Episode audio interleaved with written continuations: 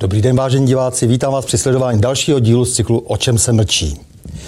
Od kejklířů přes spašijové hry, obrozeneckou osvětu, velké národní projekty, prvorepublikovou avantgardu, předlistopadová divadla malých forem, až po popřevratové divadelní podnikání. Tak vypadá předlouhá, úctyhodná a mnohotvárná cesta českého divadla.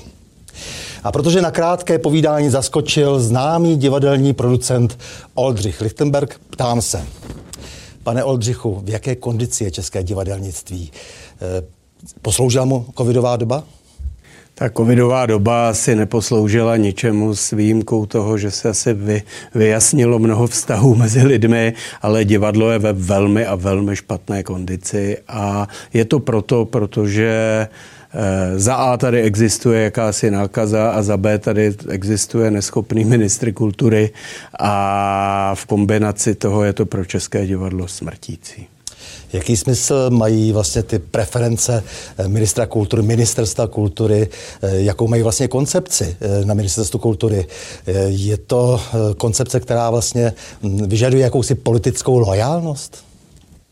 Já si nejsem jist, že to je o politické lojalnosti a hlavně já tu koncepci nevidím. Já mám pocit, tak jak čtu mezi řádky spíš, že pan ministr vlastně nechce nějakou ne, nestátní podnikatelskou strukturu divadla, že by rád vlastně kontroloval formou těch příspěvkových organizací a formou dotačních otěží celou českou kulturu a proto si zavazuje tím dotačním systémem spousty dalších a dalších subjektů k lojalitě, ale ono se to obrací, když už vidím reakce dnešních ředitelů příspěvkových organizací směrem k ministerstvu, jak zvládlo, respektive nezvládlo tu covidovou situaci, tak si myslím, že dopadl velmi špatně v rámci toho pan ministr Zaorálek. Jak vidíte, takové ty hochštaplery eh, divadle, kteří nedostatek talentu dohání eh, takovou tou ideologickou snaživostí, protože to si myslím, že hraje hodně velkou roli při udělování dotací nejenom z ministerstva kultury, ale vůbec z veřejných rozpočtů.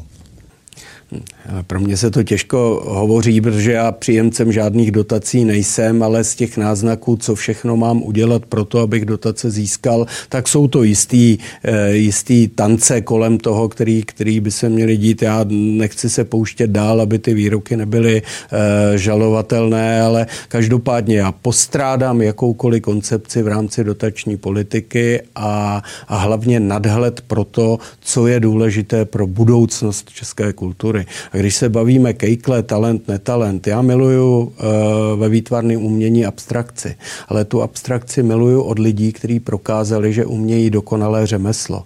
To znamená to tež v divadle. Mnozí z nás dělají pouze tu abstrakci a postrádá to to dokonalé řemeslo. Eh, to znamená, že výtvarník musí nejprve zvládnout barokní kresbu, aby se potom mohl pouštět do nějakých abstraktních experimentů.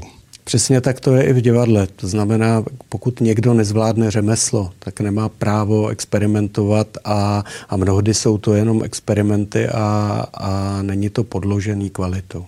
Co konkrétně děláte ve svém divadle a za své?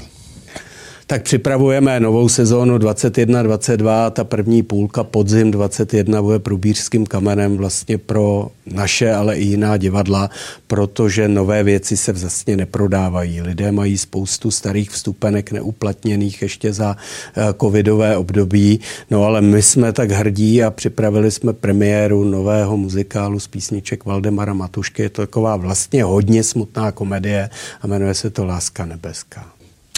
Pane Oldřichu Lichtenbergu, já vám moc děkuji za rozhovor a s vámi, milí diváci, se těším na další pokračování cyklu O čem se mlčí.